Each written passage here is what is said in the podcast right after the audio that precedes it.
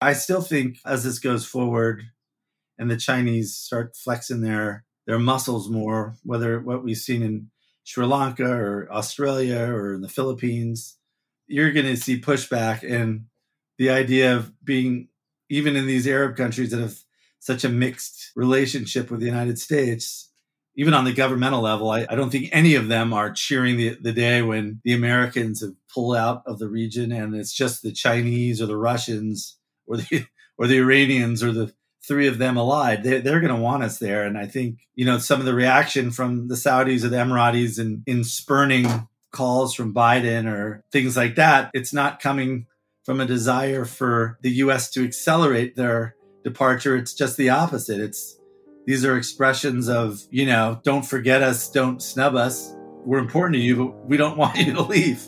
It's a much better region for us if it's balanced between the Chinese and the and the Americans.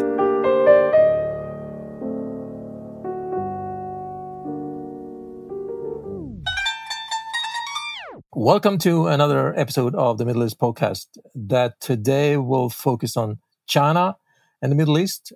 And to talk about that, we have invited Jay Solomon, who is an adjunct fellow at the Washington Institute for Near East Policy.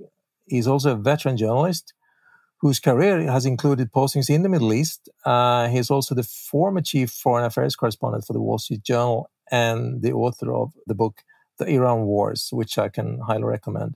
So, welcome to the Middle East podcast, Jay. It's good to be here. Let's jump right into this. In January this year, five foreign ministers from the Middle East flew to China to meet with that country's foreign minister. Is it important, you think, that these visitors were not in charge of trade or finance or the military, but instead heads of the foreign departments?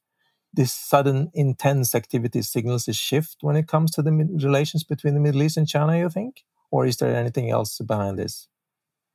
No, I think it's a fascinating time. I think, as has been talked about a lot, a number of Middle East countries are sort of no longer particularly confident in the US leadership are confident that the US is kind of going to be the security guarantor going forward.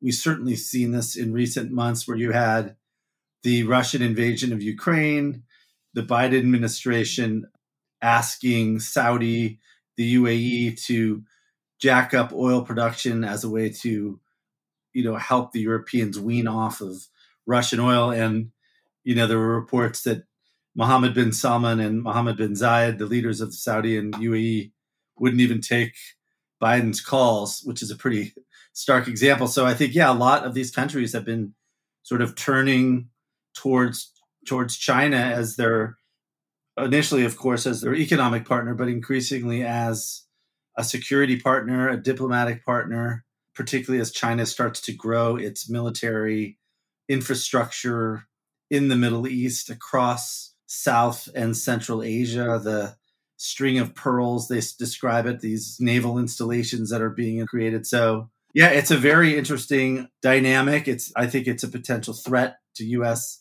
national security if these countries that have been allied with the United States for so long are now sort of aligning with the country the US has identified its its main competitor in the next century. Okay, so now we're talking about the intentions of these countries, but what does China actually want from these Arab countries in addition to oil and gas? And how do you look at the building of two big ports in the region, one in Dubai in the Emirates and one in Haifa in Israel? What would be the next step in this ongoing expansion? I mean, it's interesting because I think that, that China has gotten a free pass for the past 20, 30 years in the sense that they get an absolutely enormous amount of energy from the Middle East.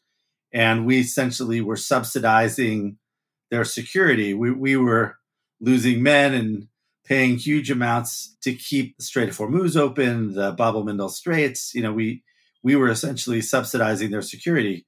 That is changing. I mean, the U.S. has signaled pretty clearly that we want to start pulling back a bit more, moving our infrastructure more to Asia. And I think the Chinese have been seeing that. And I think first and foremost, they are kind of growing this Belt and Road initiative. They are growing this trade infrastructure that you know goes across Central Asia to the Middle East down into Africa, even though it's not you know directly the Belt and Road in that case. But I think to support that, to support that country's need for resources, it's you know it's not the United States. The United States, if it really wanted to, could essentially close off and be self-sustainable, whether it's water, oil and gas, food.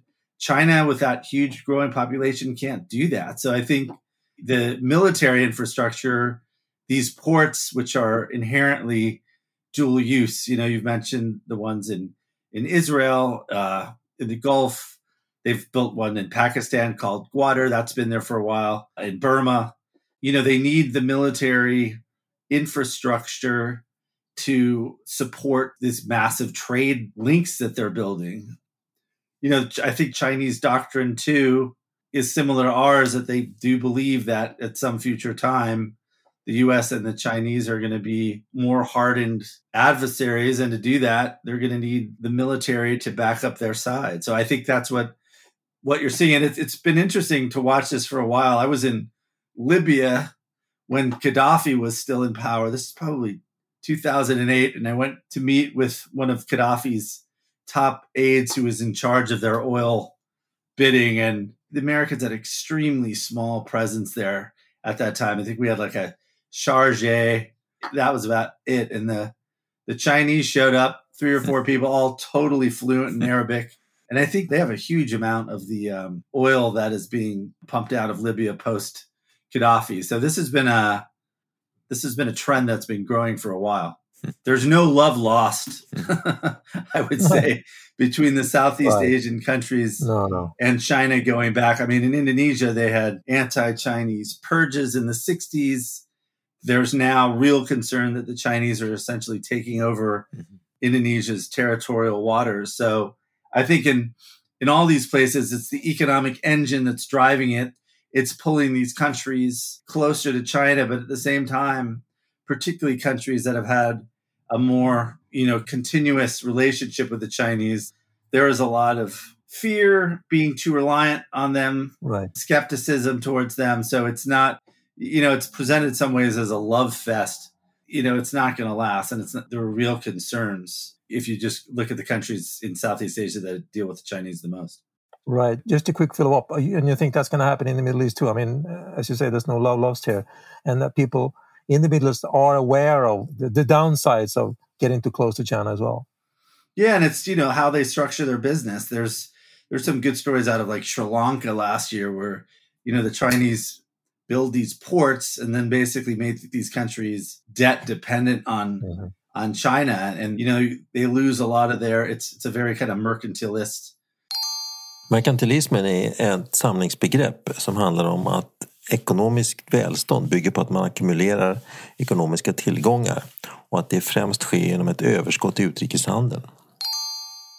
These projects, they bring in all their own people. They, you know, they're not using the local workforce.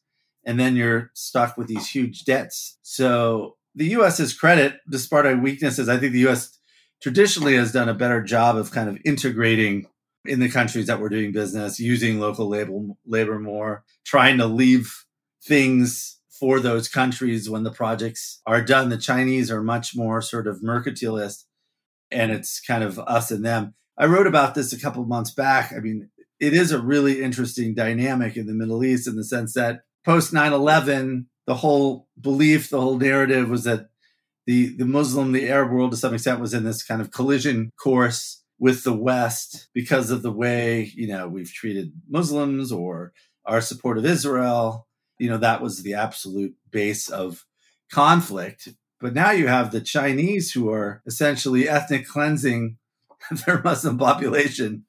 And you see virtually no pushback from any of these countries, whether it's Pakistan, Saudi, or Iran, who claim to speak for the world's Muslim. I remember the former Pakistani Prime Minister Imran Khan was asked about the Uyghurs. Här talar Jay om uigurerna, den muslimska folkgrupp som bor och lever i västra Kina, Xinjiang-provinsen och som har varit förföljda och utsatta för stort förtryck av den kinesiska regeringen under ganska lång tid. He said he'd never heard of them.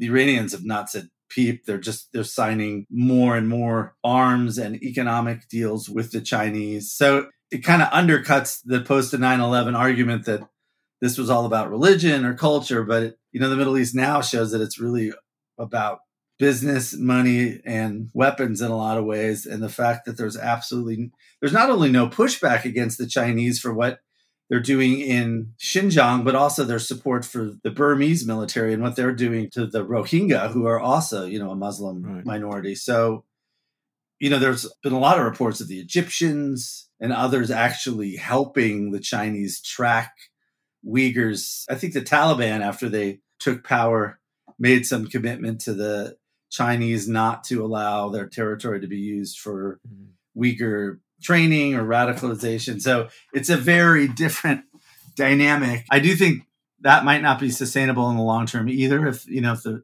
Chinese are seen as not just ethnically cleansing their own people, but helping the Burmese and, and others really repress their Muslim population. So it's a very interesting dynamic considering what we went through in the West post 9 11. So, actually, are you surprised by the passivity and the non interest when it comes to fellow Muslims?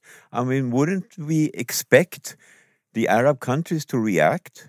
Yeah, I mean, I would. And I'm also surprised, quite frankly, that there haven't been more reports of terrorist attacks. You could say, okay, governments are are mendacious, they're chasing dollars, they're chasing arms. So you, you might, you know, not necessarily expect governments to speak out against a government that they're so economically reliant on. But the fact that I don't think there have been any terrorists, there have been like minor reports of of plots, but nothing major against China from whether it's you know Uyghurs or Uyghur members of Al Qaeda. I mean, I think there there have been Uyghurs they've found fighting in Syria and places like that so it's not like they're divorced from this kind of international network. You know, the fact that there haven't been any Al Qaeda attacks, I mean, that to me would say, God, these guys, maybe they were more under control of foreign governments than we thought. And, you know, in some cases they're turned on, and in the China case, they're turned off. And in the Burma case, I don't know if there have been any real major examples of Burmese, you know, the Rohingya involved in terrorist attacks. And you know there there are reports that the you know the ISI the Pakistani intelligence is very active in that region mm. but they're also extremely close to the Chinese so it's surprising maybe not so much on the government level per se but it is more surprising on the sort of non-state actor mm. front and even muslim you know non-governmental organizations haven't come out very mm-hmm critical of the Chinese. I think maybe Erdogan has been the one who's made some comments about it, but and he w- he was criticized by China because of that. right, that. Exactly, exactly. So I yeah, I do think as if the as U.S. Chinese competition heats up, it could be an ironic twist where the U.S. that was so criticized for our role in the Middle East, our role hmm. and treatment of Muslims, you know, accurately or not accurately described could be the ones that are sort of the flag bearer of holding up human rights in the case of China and its Muslim populations. But do you think, on a government level, that there is an understanding here from the Arab countries that whenever you deal with China, there, you know, one does not comment on the internal affairs of the other country. That that is sort of part sure. of the deal, which is very different That's from dealing with America, for example. Completely. No, that's part of the deal for sure. You know, whether it's clearly 100% supporting the one China policy, you know, no relations with Taiwan, no comments of their, you know, internal just human rights situation per se, and certainly no criticism of their treatment of the Uyghurs. There have been a lot. There have been a lot of reports of Egyptians, Afghans to some extent, not just not talking about the treatment of the Uyghurs, but actually helping the Chinese track and monitor potential threats coming from from these populations. So I think it's yeah, I think it's very much part of the deal. And you know, the Chinese are, I think, another irony in all of this is you know the Americans certainly post 9-11 were sort of characterized as this brutal militaristic society i guarantee you hmm. if there was ever a terrorist attack in china they would take no names they would clean house hmm. there would not be any due process or legal process. I think these a lot of these Arab governments understand the type of regime they're dealing with here, and it's very different than the than the United States. Mm. Two questions there, and and you think the first one related to what you just said that this is one of the reasons that there's been no attack against China, and the other related issue is of course that there are numerous examples of the U.S. partial withdrawal here from the region, which you know by the look of it would give China more room for expansion and if you're an Arab leader, you want someone who is a reliable friend, so to speak, and, and Beijing seems to be one. And, and in that regard, how does the future look, you think? I mean, will the countries in the region seek these parallel partnerships, like the Emirates, for instance, who are trying to deal with you know both superpowers? Or do you think we can expect a more stronger Chinese dominance through this? Well, I'm sure that definitely that's definitely in the mind. I just think it's interesting though, because it's like if these if Al Qaeda or ISIS or some of these groups are totally non-state actors, right? You'd kind of think they wouldn't care. they just mm-hmm. do a terrorist attack. The fact that we haven't really seen that, mm-hmm. I don't know. It just makes it feel like maybe some of these governments have more control over these non-state actors than we think. You know, if ISIS is doing stuff, there is more. Con- there is at least a tacit approval from Arab or Middle East governments for them to do some of the things they've done. And in China, they've clearly been told this is a no go zone. Right. Um, and it has been very much so for ever since these groups, we started sort of monitoring them or they became more prominent in the late 1990s. Could it be that this is a part of the world that these organizations are not interested in? They're interested in the Middle East and the West and Africa. They're not interested in China. At least so far.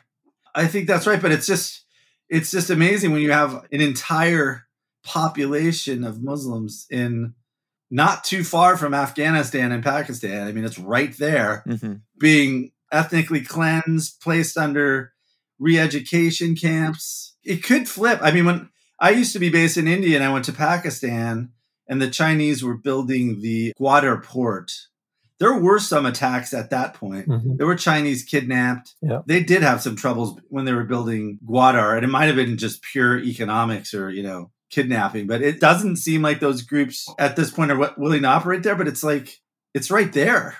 it's not like, you know, the Pakistan and Afghan sanctuaries that have been built up over the years are so close to Xinjiang. It's a little confusing to me that there hasn't been more militancy at least even if they're not terrorist attacks because they're just they're, these populations are right. almost intermixed let's move to another country but for a short while there was a report here recently that I thought was interesting that China has promised Iraq 7,000 schools and 90,000 houses in Sadr city, which is an important political and religious center. What do you think China expects in return? What can one say about that seemingly very heavy investment? I mean, it's probably massively in support of oil ah. infrastructure. When I was in based in Indonesia, the U.S. it's still there. The U.S. has the largest copper and gold mine in the world in Western Irian Jaya, which is the farthest part. It was a company, Freeport McMoRan. Yeah, they you know they built they built schools towns, villages. They built a massive infrastructure to support that mine, which is still operating. And I think it got some goodwill. It also, that presence also formed, helped create an insurgency. So my sense is that it's the same with the Chinese. The mm-hmm. the economics, the energy pop programs are intermixed with mm-hmm. aid and trade, and the Chinese are, you know, that's another Iraq, irony of the Iraq War. The U.S. was accused of launching it to steal all the country's oil. I think the Chinese have gotten way more of Iraq's oil than we have. But yeah, I mean, it's interesting. Sadr City does not seem like a place where the U.S. could go in and build uh, schools, and we'd probably still get attacked. And the fact that the mm-hmm. the Chinese can do that or are attempting to do that, you know, with with the open open arms of Muqtada al Sadr and his group shows that the Chinese still have like a lot of goodwill, but it's still so early in the process, you know, mm-hmm. in, in a lot of ways of them going into these countries because there is a lot of concern. Do you think there? I mean, I read recently a report that 80% of the Israelis have a very positive attitude when it comes to China. And this is really not what we have in the West. So the question is would you say that the leaders and the people in the Arab world and in, in the Middle East that they are sort of naive when it comes to China? I mean, I think a lot of that goodwill, even in the Israel situation, is probably like, you know, we don't hear the Chinese bashing us about our treatment of the Palestinians. We don't hear them bashing us or telling us to get into negotiations that we don't think are going to go anywhere. We just trade with them. It's it's kind of straight. So, yeah, I think it's pretty naive. I mean, I cannot believe there aren't stories in the Israeli tech sector of mm-hmm. bad business experiences with the Chinese. I mean, that, that happens with any country, but I, I'm sure there must be some of them. But yeah, I think it's a little bit naive because they sort of Mm-hmm. It's all mercantile economics, which at the end of the day is just about driving their economy and driving their economic growth. And I, and I do think I focus on Southeast Asia just because they, they have the most. It's it's an experience that's been going mm-hmm. back a while that there is yeah, there's a concern. It's like it's not that they, they think they're going to stop trading with the Chinese, but they are extremely wary of being sort of abandoned in that region and being totally dependent on the Chinese and having no American counterweight to handle them, mm-hmm. particularly as they're, you know, they are getting more aggressive. Like I was mentioning, you know, these this Austra- ambassador in Australia or elsewhere, they've they've become much more kind of aggressive in pushing their line, their narrative, which I think in when a lot of these countries actually look at it, doesn't necessarily jive with with their you know politics or their right. security going forward. So in the long run, uh, you know, this mix between uh, the economics and this this soft power kind of thing that they're trying to push, you think it's going to work? Or at the end of the day, it's, it's the United States and you know maybe the, the we here in Europe. Do the Middle Eastern countries think it's a better choice? I mean, on some hands, I think it's like just raw economics. Like the Chinese are a huge economic power. And because of that, they're going to have huge sway and their presence and influence will grow just because if you're the engine for growth, people are going to want to be part of it or have to be part of it. But I think it's part of that. When the US was a emerging superpower, you know, they also were received in a lot of countries, even places, you know, like Iran. It's if you read the history was so interesting. It was like, God, the U.S. is the only country that never colonized anyone, and yeah. they respect human rights and they treat countries with respect, and that that didn't last that long. Um, so I'm I'm pretty confident when I still feel it's like it's like a honeymoon in a lot of these Arab countries. It's like God, we've been dealing with the Americans for years, and they're either duplicitous or they bash us over the head over ish human rights and issues we don't think are important and here are the Chinese who are just providing money and everything's great. I don't think that's sustainable. I mean, I still think some of the dynamics here in the US, you know, like the relationship between the NBA and the Chinese. NBA står för National Basket Association och är den amerikanska basketligan. The NBA was making so much money off of China and then a few executives started speaking out about Hong Kong and the Chinese started to really try to exert their influence and coerce, you know, this sports league into coming in line to their policies. And that, that's going to happen everywhere. It's, it's, it's not just going to happen here. Hmm. And that, that's where I think maybe the na- naive naivety is, is that we haven't really seen them be particularly coercive in the Middle East. They've kind of, you know, yeah, they have these good economic ties. They're growing their economic ties. But yeah, let's let's see if there's a new leader in some of these countries who really does start to speak out about human rights in China or the treatment of the, the Uyghurs, I think they're going to see a, a very different face of that Chinese government. And that, that's going to be inevitable. It's just, it, it is.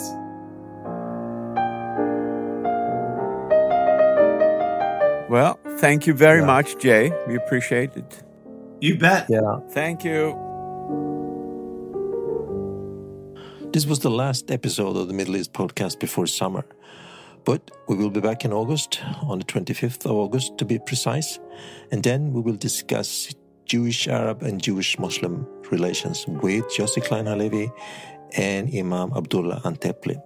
So, to all our listeners, have a great summer and see you all in August.